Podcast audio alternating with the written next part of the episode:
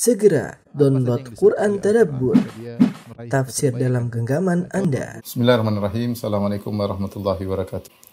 Alhamdulillahi ala ihsani wa syukru lahu ala taufiqihi wa amtinani wa asyhadu an la ilaha illallah wahdahu la syarika lahu ta'ziman li sya'ni wa asyhadu anna muhammadan abduhu wa rasuluhu da'ila ridwani Allahumma salli alaihi wa ala alihi wa ashabihi wa ikhwani para dokter, para ikhwan dan akhwat, para pemirsa yang dirahmati oleh Allah Subhanahu wa taala. Uh, sungguhnya kita sekarang berada pada fase kehidupan di dunia ya yang sebelumnya kita berada dalam fase janin kemudian Allah mengeluarkan kita dari perut ibu kita wallahu akhrajakum min butuni ummahatikum Allah yang mengeluarkan kalian dari perut ibu kalian maka jadilah kita di fase kehidupan berikutnya yaitu fase kehidupan dunia uh, dan kita akan menjalani kehidupan ini entah berapa lama uh, meskipun tentu tidak akan selama-lamanya apalagi Nabi sallallahu alaihi wasallam pernah bersabda a'maru ummati baina sittin ila sab'in wa aqallahum man yajuzu wa aqallam man yajuzu dhalik Sungguhnya umur umatku antara 60 sampai 70 dan hanya sedikit yang melampaui 70 tahun.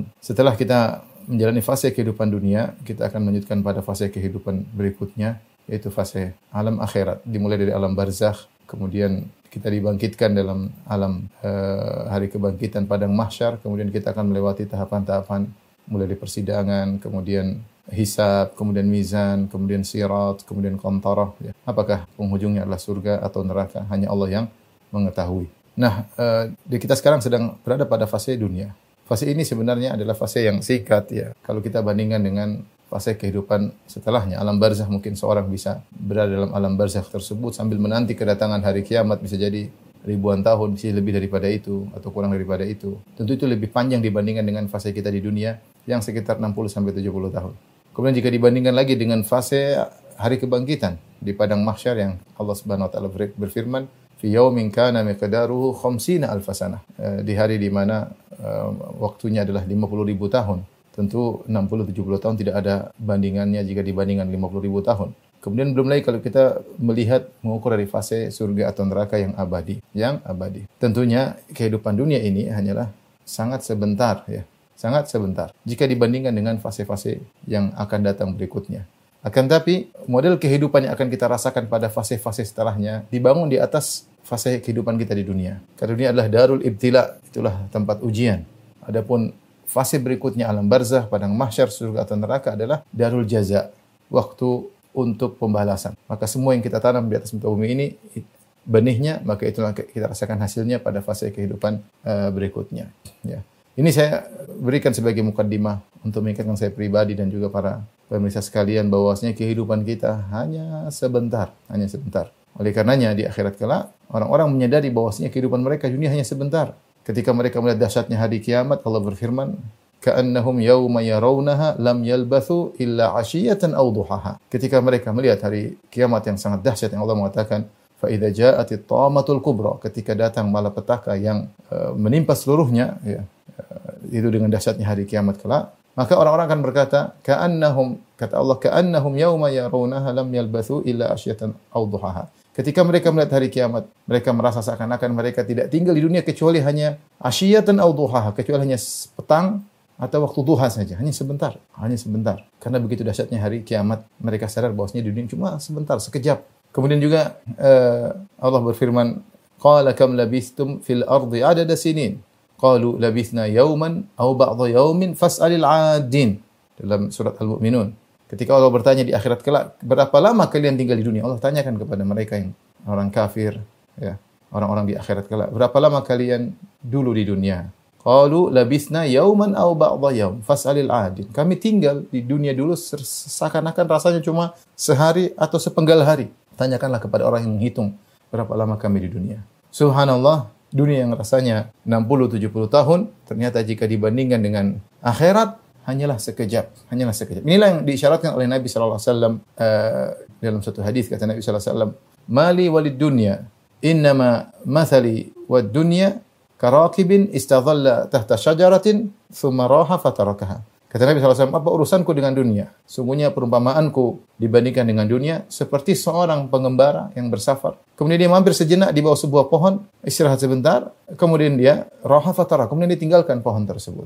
Ya, dibandingkan dengan perjalanan orang pengembara tersebut, musafir tersebut yang berjalan jauh, mampir sebentar, eh, cuma istirahat sebentar ini tidak dibandingkan, tidak ada bandingannya dengan perjalanan sebelumnya dan perjalanan selanjutnya yang akan dia dia uh, yang akan dia jalani.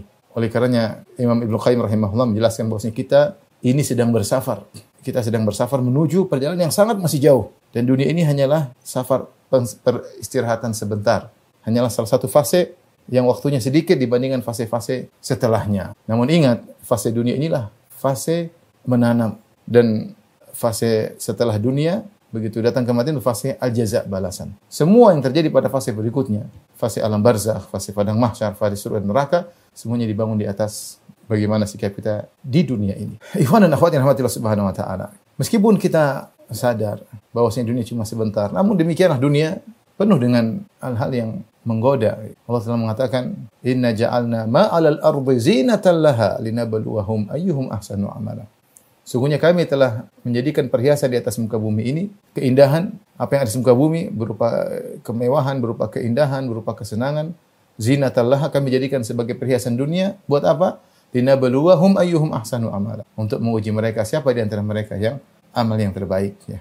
Jadi kita harus sadar bahwasanya kita sedang berada di darul ibtila di lokasi ujian, medan ujian yang medan tersebut hanya uh, sebentar. Yang jadi masalah ujiannya berat dan betapa banyak orang terpedaya dengan dunia tersebut. Tenggelam dengan dunia, lupa dengan fase-fase berikutnya. Lupa bahwasanya dunia ini hanyalah fase sementara, hanyalah Eh, sarana untuk mencapai tujuan. Lupa dengan tujuan, sibuk dengan sarana. Ini jadi masalah. Ya. Syariat tidak pernah melarang kita untuk menikmati dunia. Namun yang jadi masalah, eh, dunia yang merupakan sarana tersebut buat kita lalai, lupa akan tujuan, lupa akan akhirat. Lupa akan fase-fase kehidupan berikutnya yang sangat panjang, yang semua kita akan merasakannya. Sementara kita sudah melihat banyak orang sekitar kita yang sudah berpindah pada fase berikutnya. Namun hati kita tidak tergerak. Itu jadi masalah.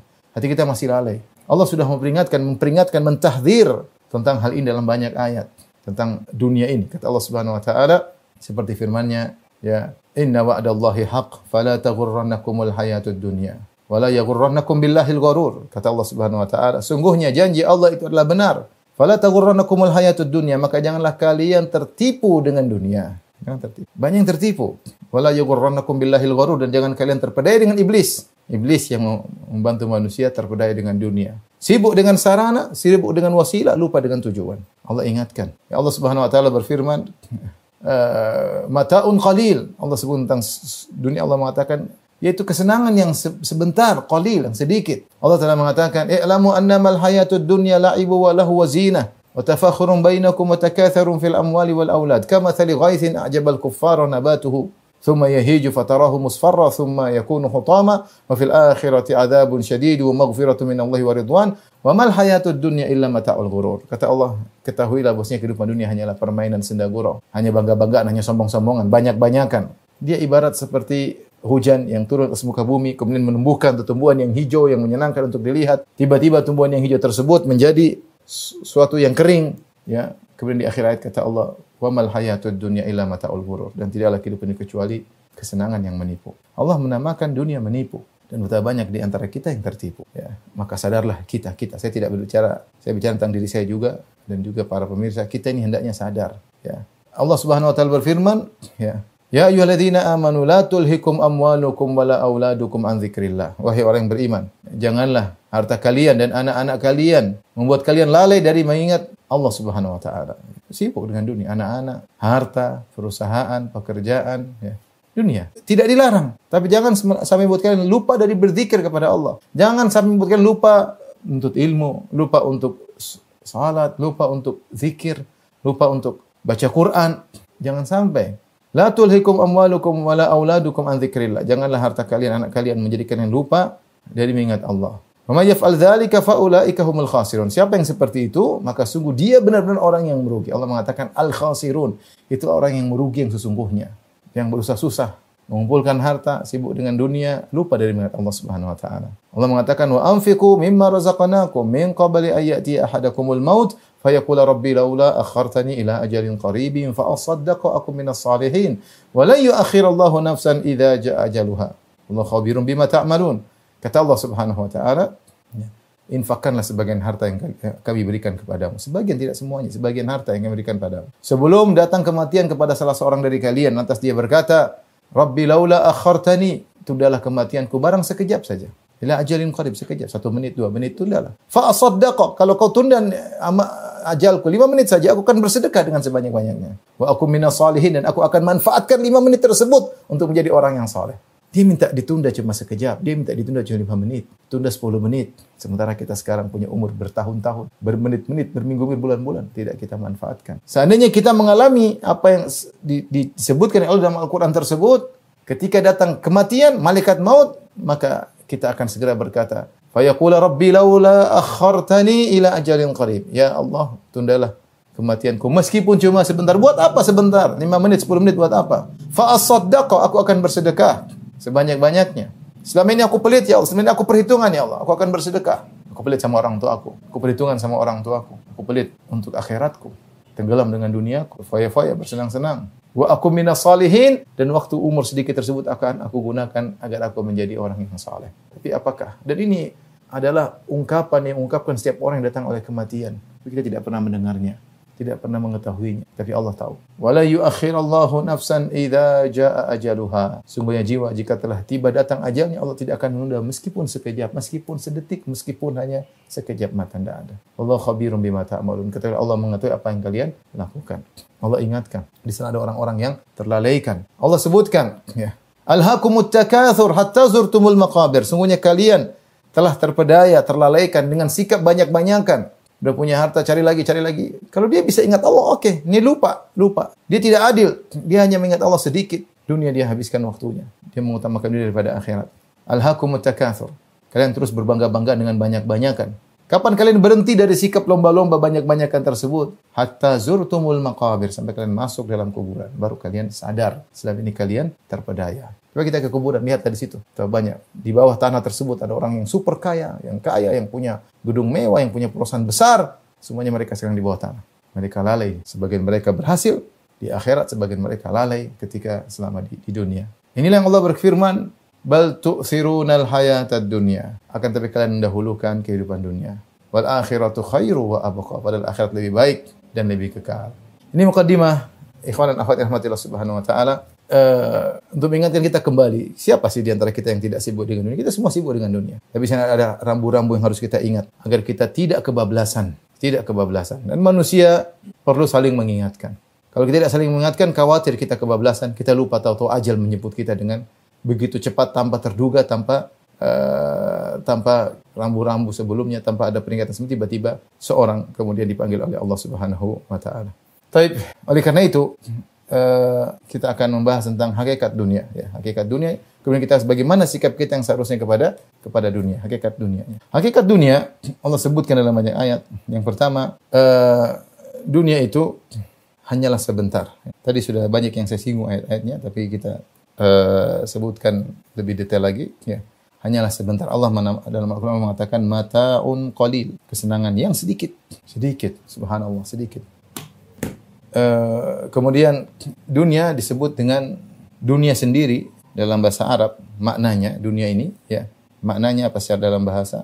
Dalam bahasa artinya dua. Yang pertama adalah eh, rendah, dani rendah, kemudian dekat. Kata dunia sendiri sudah e, menunjukkan akan sebentarnya dunia. Kenapa dia kenikmatannya rendah dan dia dekat, qarib, dunu, dari dunu, dari dani atau dunu, dari eh, dani atau ad-dunu atau uh, ad-dani. Dua-duanya menunjukkan hakikat dunia yang cuma sebentar. Jadi subhanallah Allah menamakan dunia dengan bahasa yang menunjukkan dekat dan sebentar. Kemudian juga Allah menamakan dunia dengan zahrah, mawar zahratal hayatid dunya linaftinahum fih. kata Allah Subhanahu wa taala zahratal hayatid dunya linaftinahum fih. kan dan namanya zahra mawar sifatnya apa sifatnya indah indah berwarna-warni namun begitu cepat layu subhanallah kita lihat mawar subhanallah indah warna-warni ada yang putih ada yang merah ada yang jingga ada yang namun dia ternyata uh, cepat layu cepat layu cepat sekali kita saja merasakan, ya, tiba-tiba kita sudah umur 40 lebih, ya. Tiba-tiba orang sudah pada putih semua. Demikianlah dunia, cepat layu.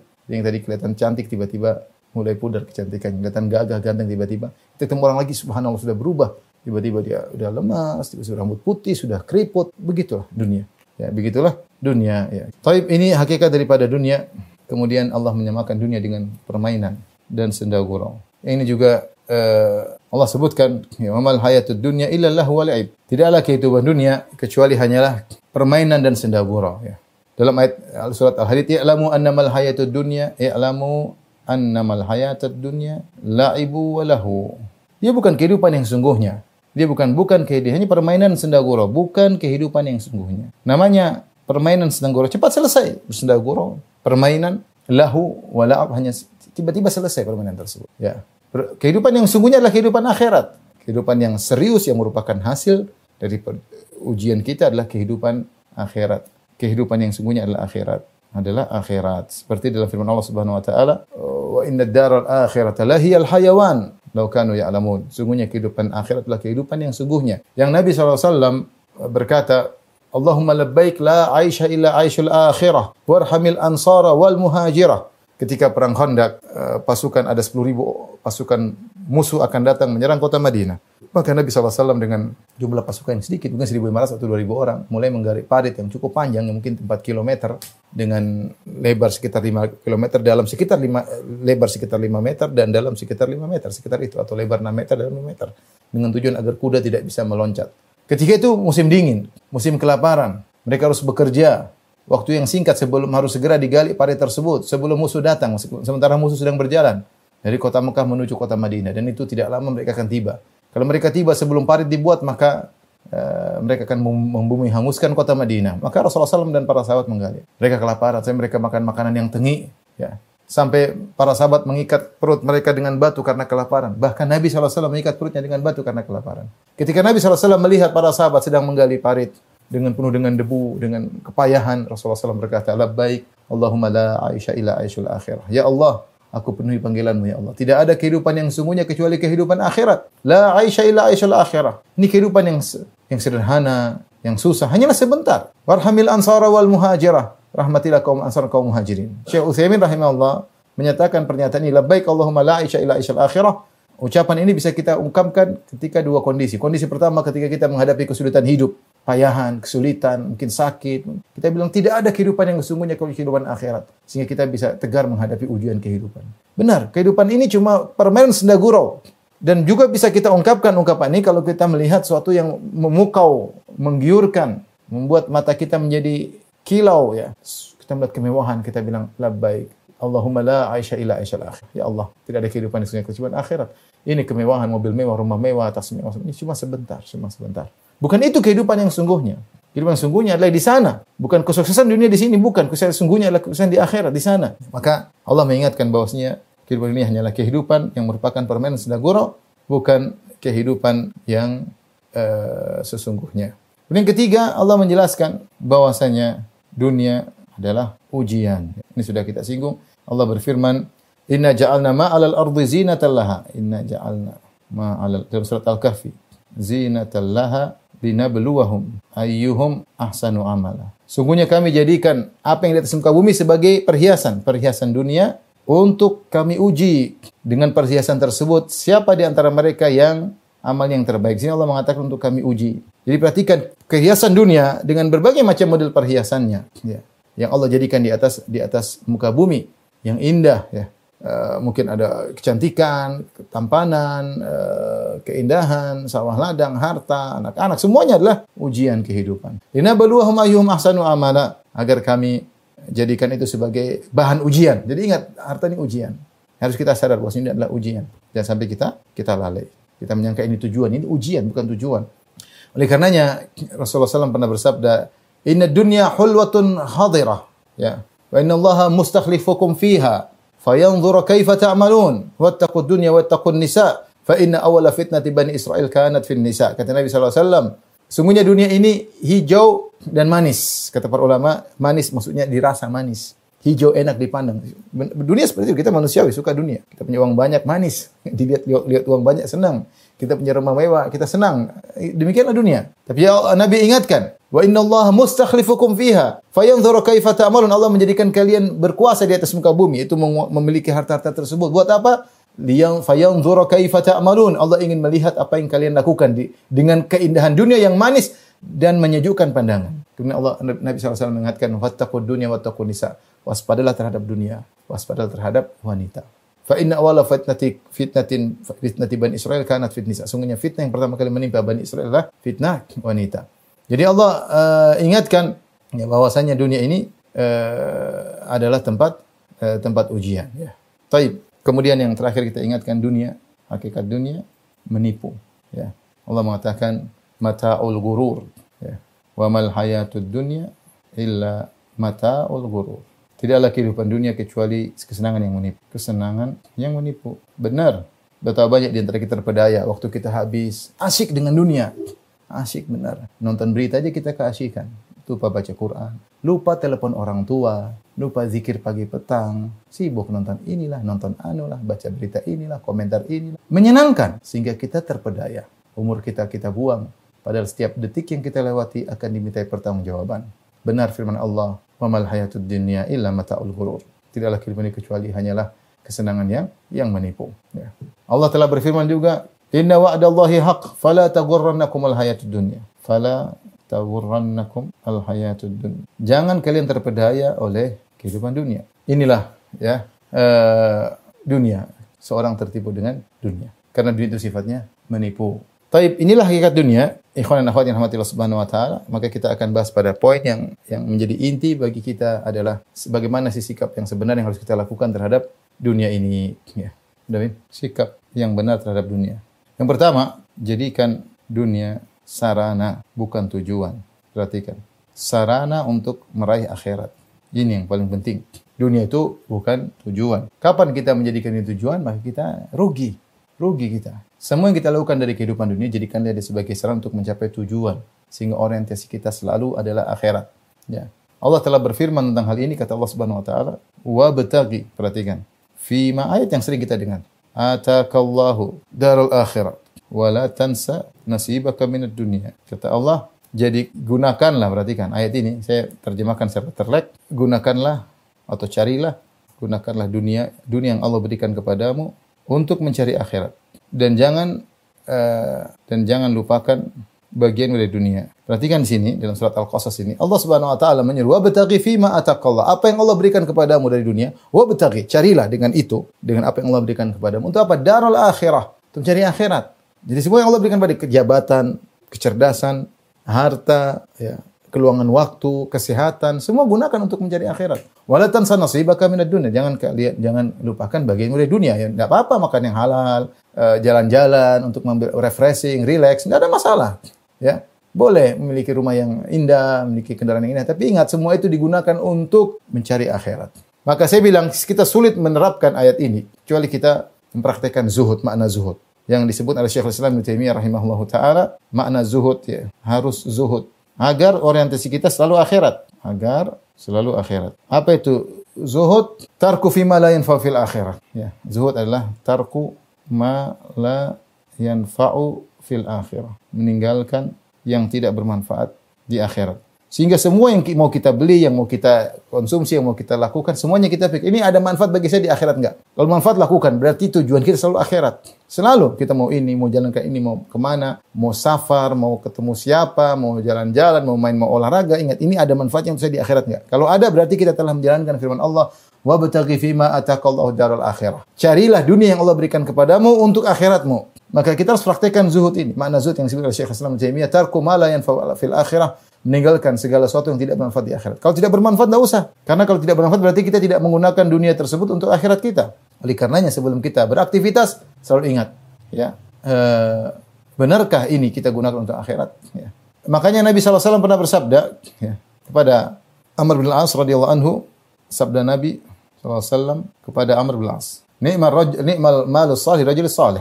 al-mal as-salih lirajul as-salih. Sebaik-baik harta adalah milik seorang yang soleh. Sebaik-baik harta yang baik adalah milik lelaki yang soleh. Karena laki soleh inilah yang bisa menjadikan hartanya sebagai sarana untuk mencapai akhirat. Jadi Amr bin As radhiyallahu taala ketika baru masuk Islam, uh, maka Nabi menjadikan dia sebagai Amirul Jaish, sebagai pemimpin uh, pasukan. Kemudian Rasulullah menyampaikan wahai wahai Amr, aku jadikan kau sebagai Amirul Jaish agar kau mendapatkan ghanimah. Maka Amr dengan tulusnya berkata, "Ya Rasulullah, aku berperang bukan untuk mencari ghanimah, bukan." Rasulullah ingatkan, benar, jangan jadikan tujuan ghanimahmu sebagai tujuan utama, sebagai sarana untuk mencapai akhirat. Maka Nabi mengatakan dengan kalimat yang sangat indah, "Ni'mal malu salih li rajulis salih." Sebaik-baik harta adalah yang baik adalah milik seorang yang saleh. Karena orang saleh yang menjadikan hartanya untuk akhiratnya. Dia berinfak, dia bersedekah, dia menyambung silaturahmi dengan hartanya dia mm, mendekatkan berbuat baik kepada fakir miskin, kepada tetangganya, kepada banyak orang dengan hartanya. Dia bangun masjid, dia bantu dakwah. Ini orang yang harta seperti ini yang sangat baik kata Nabi. Jadi jadi kata para ulama seperti perkataan uh, Ibnu Rajab Al-Hambali bosnya dunia itu tidak dicela karena zatnya, tetapi dunia dicela karena penggunaannya yang salah. Karena dunia jika digunakan tepat pada penggunaannya maka dia menjadi harta yang terbaik. Nikma al-malus salih lirijali salih. sebaik harta untuk yang baik milik seorang yang baik. oke ini saya katakan sebaik-baik dokter yang baik yang menggunakan kemampuannya untuk akhiratnya. Bagaimana caranya pikir sendiri ya. Saya punya kemampuan, saya gunakan untuk akhirat saya. Saya cari harta, saya gunakan untuk akhirat saya. Untuk akhirat banyak, bisa untuk silaturahmi, bisa untuk membantu orang fakir miskin, bisa untuk e, membagikan anak istri, banyak hal yang bisa kita gunakan. Sehingga segala yang kita lakukan dunia ini kita selalu pikirannya untuk apa? Ini ada manfaat bagi saya di akhirat nggak? Saya tenggelam dalam dunia ini ada manfaat untuk akhiratnya. Kalau tujuan saya cuma dunia, percuma. Saya hanya buang-buang umur. Percuma. Saya mau kaya seperti apa sih yang yang, teman-teman saya yang hidup juga di, jauh di bawah ekonominya juga makan seperti saya makan. Saya tidur, mereka juga tidur. Terus kalau kita punya duit banyak mau apa? Ya kan kita jujur aja, kalau kita punya duit banyak, memang kita senang. Tapi betapa banyak orang yang duitnya nggak sampai miliaran, triliun bisa bahagia. Banyak, nggak perlu miliar miliar deh untuk bahagia. Kita kan cari kebahagiaan. Ya. Hmm, harta banyak juga paling makan cuma sedikit masa satu piring dua piring kadang-kadang sudah hati-hati nanti kolesterol lah nanti inilah makan sedikit mobil mobil mewah juga dipakai cuma satu saya dewa satu masa pakai mobil dua, dua sekalian rumah banyak juga tidur satu rumah saya tempat tidur juga segitu badan segimana kayak tempat tidur mau lebar 5 meter pun yang kita gunakan cuma satu setengah meter dua meter itu aja ya jadi eh, gunakan harta untuk akhirat anda ya. kemudian yang kedua sikap kita yang benar perhatikan adalah eh, cari dunia se se seperlunya ya atau bukan cari dunia, sisakan dunia seperlunya ya. Atau cari dunia seperlunya. Jangan banyak-banyak tiga tidak ada perlunya. Kenapa? Karena semuanya dihisap. Tentu kita tidak seperti Rasulullah SAW. Rasulullah SAW mengatakan, tidaklah aku punya harta sebesar gunung Uhud. Lewat tiga hari kecuali sudah aku bagikan ke depan, ke belakang, ke kanan, ke kiri sudah aku habis. Kecuali aku sisakan satu, beberapa dinar untuk bayar hutang. Artinya apa? Kita sisakan dunia, cari seperlunya saja. Kalau ada perlunya untuk akhirat, tidak apa-apa. Kita motivasi orang-orang yang kaya silakan cari uang tapi ingat hasilnya untuk akhir. Jangan untuk dunia percuma dunia buat apa? Mau kaya seperti apa sih? Mau mewah-mewah buat apa? Untuk akhiratmu, untuk asetmu yang sesungguhnya. Ingat kata Nabi SAW ketika Aisyah radhiyallahu taala anha bagi-bagi kambing, dibagi-bagikan maka Rasulullah SAW bertanya, "Ma baqiya minha?" Apa yang tersisa dari kambing tersebut? Maka Aisyah berkata, "Baqiya ma baqiya minha ila katifah." Semuanya sudah habis ya Rasulullah, semua sudah habis. Yang tersisa yang belum saya bagi cuma bagian pundak kambing. Saya belum bagi. Rasulullah SAW menjelaskan, Baqiya kullaha ila katifaha. Justru sebaliknya, semua yang kau bagi, yang kau sedekahkan, itulah yang aset tersisa di akhirat. Yang belum kau bagi itu yang justru tidak tersisa. Itu yang habis dengan dunia.